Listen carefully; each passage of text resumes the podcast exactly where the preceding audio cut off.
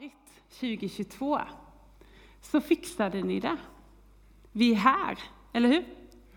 Det kan vara värt en klapp på axeln för vissa. Att faktiskt inse att vi fixade 2022. Att bli kallad som er föreståndare är otroligt stort för mig. Eh, ska jag göra det här utan att... Mm. När Gud kallade mig till pastor så eh, var ett av orden jag har stått på som eh, jag har fått profetiskt från olika människor också, oberoende av varandra, är att foga samman. Ni vet en sån här fantastiskt fin tegelvägg, ni vet som är så stark och vacker och fin när den är myrad på rätt sätt. När man kan se en sån här gammal tegelvägg och man kan se nyanserna i de olika te tegelbitarna. Men de är fogade samman. Eh, jag älskar att bygga broar i, och gemenskaper, att få se människor växa, utmanas, hjälpa människor att upptäcka gåvor, komma ut i tjänst och att människor får springa längre än vad jag kommer att springa. Att ta liksom stafettpinnen vidare. Och jag vill också passa på att säga att jag faktiskt älskar er. Vissa av er kanske jag känner bättre än andra. Och vissa kanske undrar, men du, det kan du inte göra. Du kan omöjligt älska mig för du känner inte mig. Men ända sedan den dag eh, vi faktiskt sa ja till att komma hit som, som pastorspar, eh, så var det som att Gud tog mitt hjärta och grävde ner det här i dess mitt. Och så jag menade verkligen, när jag var på resa i Grekland, och jag vet att jag har berättat detta, att vi faktiskt var flera pastorer som satt på planen och faktiskt bara, men vi längtar hem. Vi saknar församlingen och människor och att få mötas och att få tillbe Gud tillsammans. Så jag ser fram emot det här året. Att få ta det vidare, att fördjupa relationer med er som jag inte har kanske så djup relation med. Att få lära känna oss bättre. Pelle sa förra söndagen i sin predikan något som jag tyckte var så bra och så enkelt och som har fastnat i mig. Och det är det här att sätta Gud först. Och inte bara först, utan som nummer ett. Men han sa det på ett sånt enkelt sätt att det kan börja redan innan jag har lämnat sängen. Genom att säga God morgon Gud. Tjena. Ny dag. Det är du och jag. Att det gör någonting med våra hjärtan eh, genom att enkelt kanske säga de orden bara för att medvetandegöra att jag är inte själv. Det är inte bara jag som ska Eh, jag är inte överlåten helt till mig själv och mina egna funderingar, utan det finns någon som har en större tanke med mig. När jag förbereder mig för den här predikan så är det ju alltid som det kan vara, att det spretar lite i början, innan, för det är så mycket man vill säga i det man upplever att man ska säga. och eh, när jag förberett mig för det här året, och lite som Pelle sa, så är förankrad i ordet, i bönen och i livet. Något som jag upplevt att det kommer vara temat för det här året.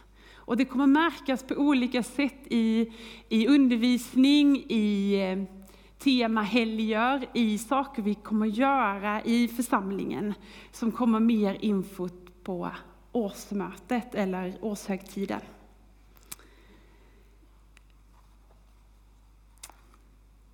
Men jag ber en bön för att det som jag tror Jesus har hjälpt mig skala ner det till idag, som min predikan ska handla om.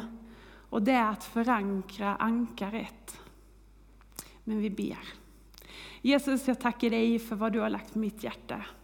Och Herre, jag ber att det ska få vara dina ord. Och Herre, det som bara är mitt eget, det kan få falla platt till marken, Herre. Men Herre, jag ber av det som du vill säga idag till oss var och en, Herre. Vi kan stå på lite olika platser. Men jag är helt övertygad om att du har något att säga till oss idag. Så jag ber att du ska få bli synlig och jag mindre. Amen. I förföljelsetider i den tidiga kyrkan så användes ankarsymboler som eh, ett hemligt korstecken. Man använde liksom ankaret för att säga att man tillhörde vägen. Och ankaren, och kanske många av oss kvinnor här, vi har fått något smycke med tro, hopp och kärlek. Och då är ju ankaret, det står ju för hoppet. För precis som ankaret fäster i havets botten, så söker ju vårt fäste i det som är osynligt och innanför förlåten, är det någon som har sagt. Vi läser i Hebreerbrevet 6, vers 17-19.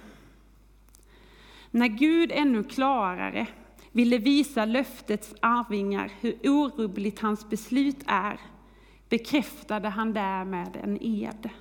Så skulle vi genom två orubbliga uttalanden där Gud omöjligt kan ljuga, få en kraftig uppmuntran.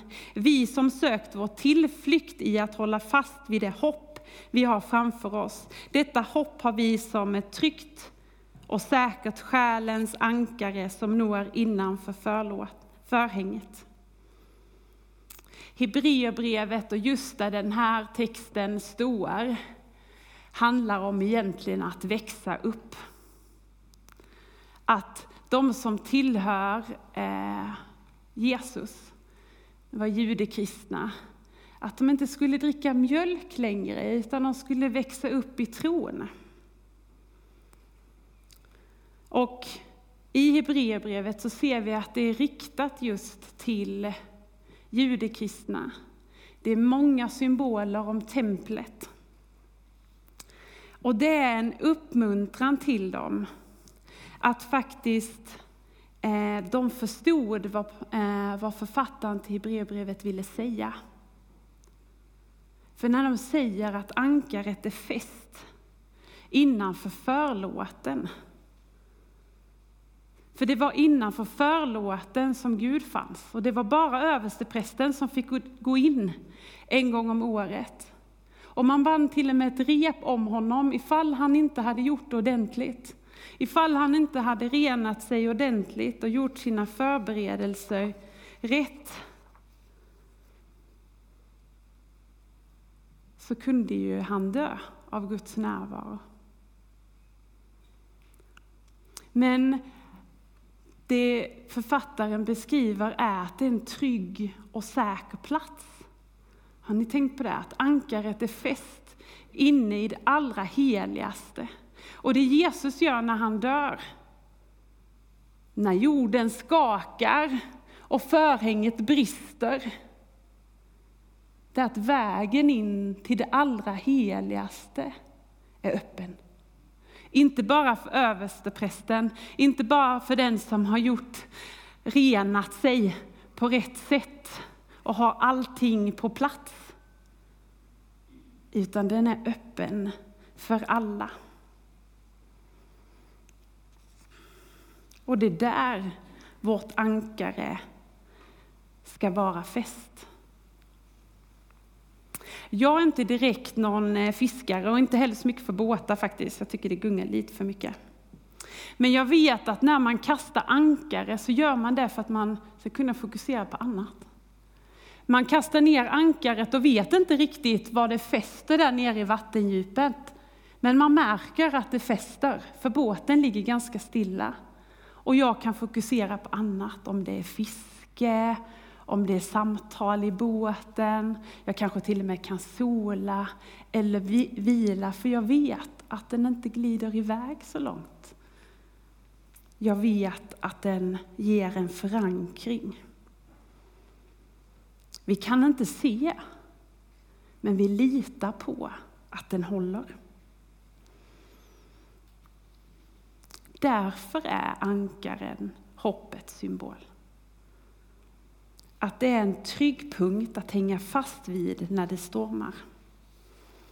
Och tänk att det står i Bibeln att vi behöver ett ankare. Det måste ju betyda att Gud hade koll på att det kommer storma. Vi är inte lovade ett enkelt och lätt liv.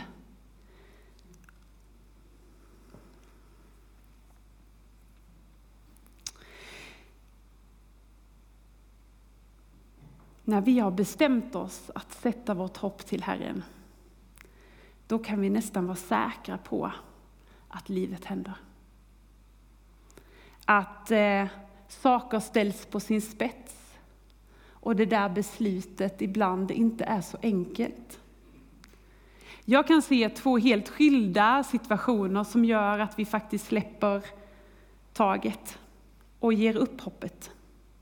Det ena är när livet stormar, de hårda vindarna, när de sliter och drar i dig, när bönesvaret inte kommer, när stormen faktiskt lockar dig att släppa taget.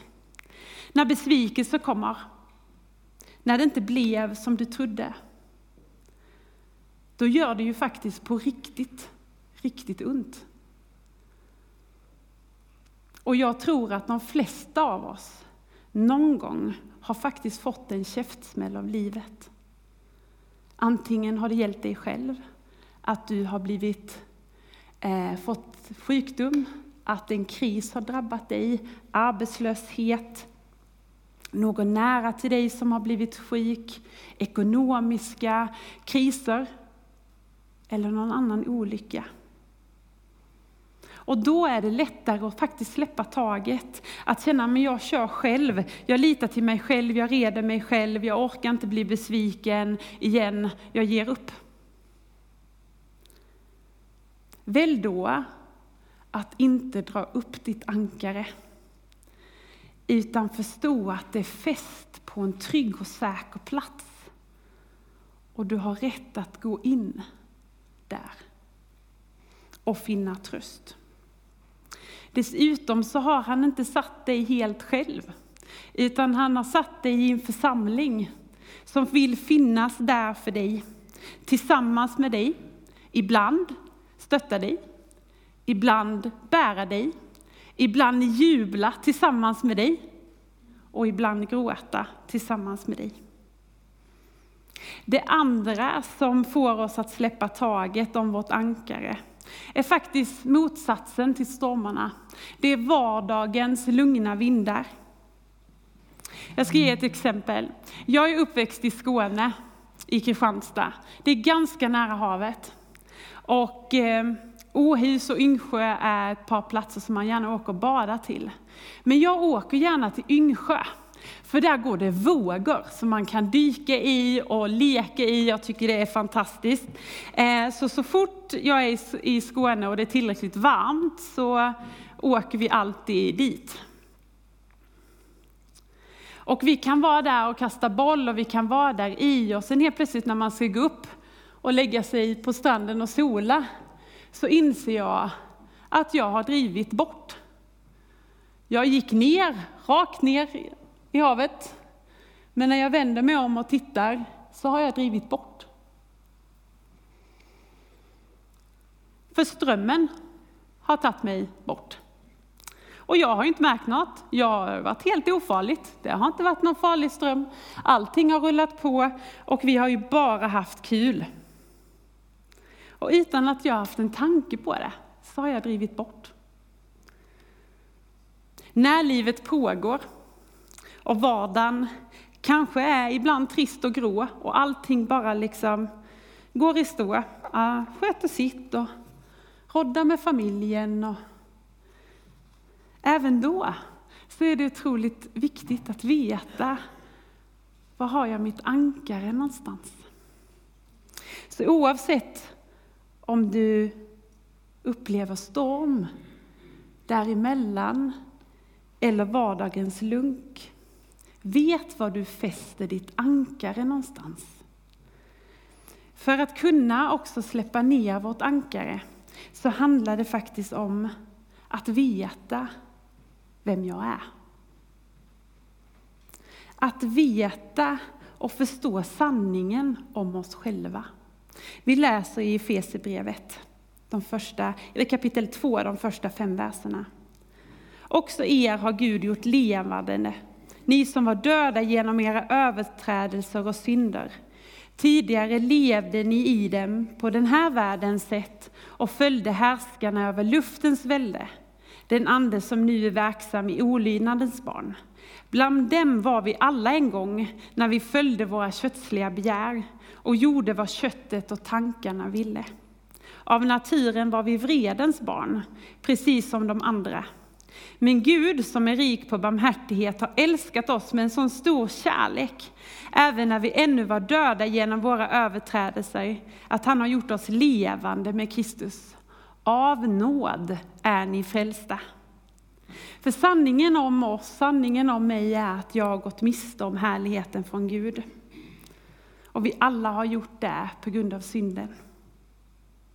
När jag kom till tro och sa mitt ja till Jesus, så såg han på mig med en kärleksfull blick och så sa han, jag älskar dig trots allt.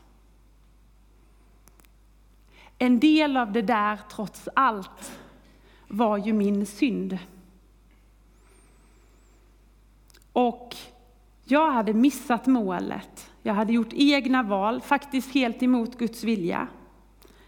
Och oavsett varför jag hade gjort dem, så behövde jag äga att jag hade gjort dem. Och inte hålla kvar dem med massa försvar och ursäkter. För det finns alltid förklaringar till att vi gör vissa val och fattar vissa beslut. Men till slut handlar det faktiskt om att du och jag måste äga det, erkänna det och bekänna det. Jag fick äga det, för när Jesus mötte mig så var det med en blick där det inte fanns någon rädsla hos mig. Det var en blick som inte dömde. Det var en blick som visste allt, men som ändå älskade mig. Det är han vi bekänner oss till. Det är han som ser på dig och har betalat med sitt liv för våra fel och brister.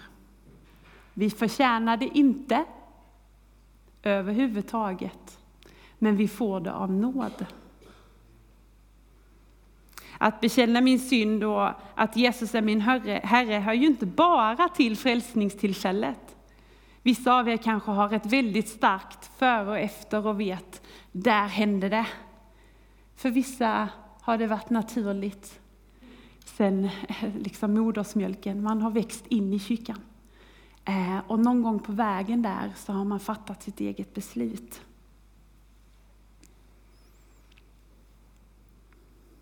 Men ibland så har vi saker vi brottas med. Och ibland är det tankar och ibland är det handlingar och ibland så missar vi faktiskt målet. Där vi vet att Gud vill en sak och vi gör en annan. Ibland i stundens hetta. Ibland så låter vi inte Gud läka de såren andra har gett oss. Så vi fortsätter såra andra. Men sanningen om dig och mig är att vi är hans verk. Jag vill att du vänder dig mot din granne och säger, jag är hans verk. Skulle ni vilja göra det nu?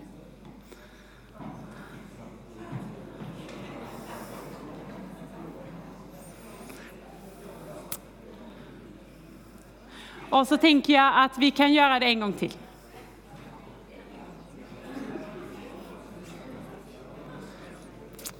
Var det obekvämt? Men någon som tyckte att det var lite obekvämt för det är liksom så här, ja. Då skulle jag vilja utmana er till att göra det en gång till för min skull. Skulle ni det? Jag ska snart säga varför. Vi kan, vi kan skratta lite och vi kan göra det lite sådär. Men vi, sanningen om dig och mig är att Gud har valt oss. Gud har valt oss för att han älskar oss. Han vill vandra med oss, han vill välsigna oss. När vi har sagt vårt ja till honom så börjar resan tillsammans eh, med honom. Och han fortsätter visa saker i våra liv som han vill ibland läka, ibland fixa. Men det är inte bara det att vi är liksom helt sönder och kaputt. Utan han vill ju visa vad, vilka gåvor han har lagt ner i dig, vilka talanger han har lagt ner i dig. Visa varför du har hjärtat för just de där människorna, eller just det där området. Vi är hans verk. Och jag vet att det är rätt svårt att ta emot saker man inte tycker man förtjänar. Har ni fått någon present någon gång från någon och så direkt det första kommentaren, nej men det skulle du ju inte. Det behövde du ju inte och det är för mycket. Har någon gjort så? Jag kan räcka upp handen på det. Eller när någon säger något uppmuntrande till en så säger man, nej, nej, det, nej, den gamla trasan. Eller sådär. Eh, för det är svårt att ta emot något. Och nu sa jag kanske lite banala grejer som det är svårt att ta emot. Tänk då nåden som Gud har gett oss. Att få tillhöra honom. Han som har sagt att hela himlen står till vårt förfogande. Och att han ser på dig och säger, du förtjänar det. Du förtjänade att jag dog för dig. Du förtjänade det. Jag skulle göra det igen. Du förtjänar det. Och han gör det innan vi har sagt vårt ja till honom.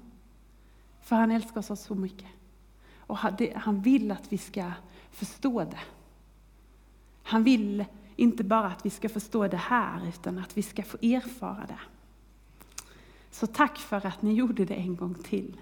Tack för att, för ibland så får man utmana sig själv att när någon kommer med en gåva eller säger något fint, att faktiskt bara säga tack.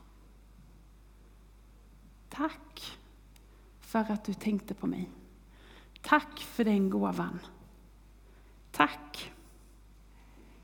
Vi ska avsluta med att läsa slutet av kapitel 2 i Efesierbrevet.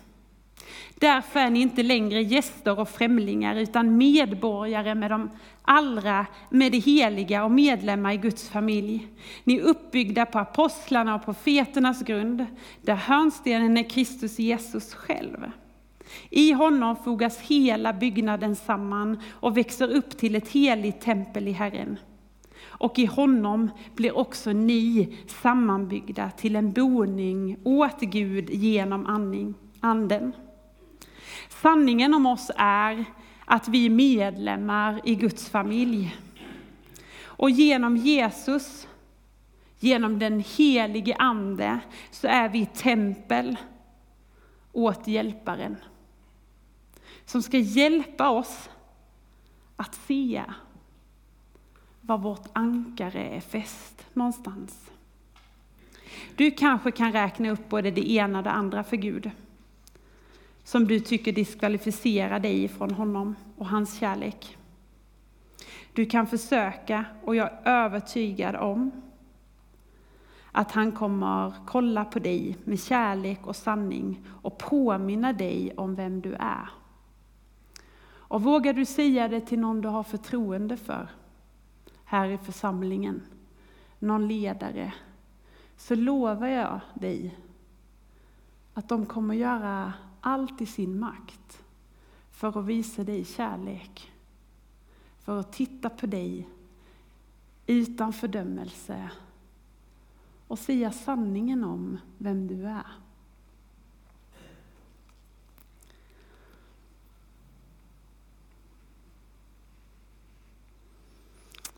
För jag tror det här året kommer innebära att Gud vill ge dig nya erfarenheter av vem han är för dig. Att han vill visa dig var ditt ankare är fäst. Har vi fäst det där inne på en trygg och säker plats? Eller står vi med det i handen för att vi inte riktigt vågar lita på honom? Men jag är helt övertygad om att det här året ska få visa att vi kan kasta vårt ankare och att han kan visa för oss att det är fest. Min sista bild är på en låt av Mikael Jeff Jonsson. Jag ser att du ensam och modlöst satt dig ner i en kamp du inte orkar mer. Om du inte får falla i Jesu armar, i vems armar ska du falla i? Din väg har känts lång och i stormarnas land har du famlat efter en skyddande hand. Om du inte finner ro i Jesu armar, i vems armar ska du finna ro? Han går aldrig förbi dig. Han vill för evigt vara din. Han går aldrig förbi dig. Han vill för evigt vara din. En smärta som bränner sönder din kropp. I din svaghet ser du inget hopp. Om du inte kan bli hel i Jesu armar, i vems armar kan du då bli hel? Våga. Våga pröva och se att han håller. Våga pröva tillsammans med din församling och se om han håller. För den här resan gör vi tillsammans. Den här resan om att erfara Gud på olika sätt i gudstjänsten, i när vi möts personligen, när vi möts i våra hemgrupper, när vi får be för varandra, när vi får betjäna varandra, allt från att gå och handla till någon för att underlätta. Att Gud ska få uppenbara sig själv i ditt liv. För det är det som förvandlar. Och det är det som gör att vi gör allting i den här församlingen. Att Jesus har fått tillåtet till hela hjärtat. För han är för dig och han älskar dig. Vi ber. Jesus, jag tackar dig för att förhänget är brustet. Att vägen till dig är öppen. Och Herre, du ser det här året där, som ligger framför, där vi vill se hur förankrade vi är. I ditt ord, i, i bönen, i livet, Herre. På en trygg och säker plats. Tack Herre för var och en som är här och som lyssnar på webben. Ditt ord är levande och verksamt. Och Herre, jag ber att det som var av dig verkligen ska få bära frukt och ska få fastna i våra hjärtan. Och det som var mina, det kan få falla platt, Herre. Kom heligande och påminn oss vilka vi är i dig. Hur högt älskade vi är. Och hjälp oss att detta året, att ännu mer obekvämt våga ta emot nåden. Amen.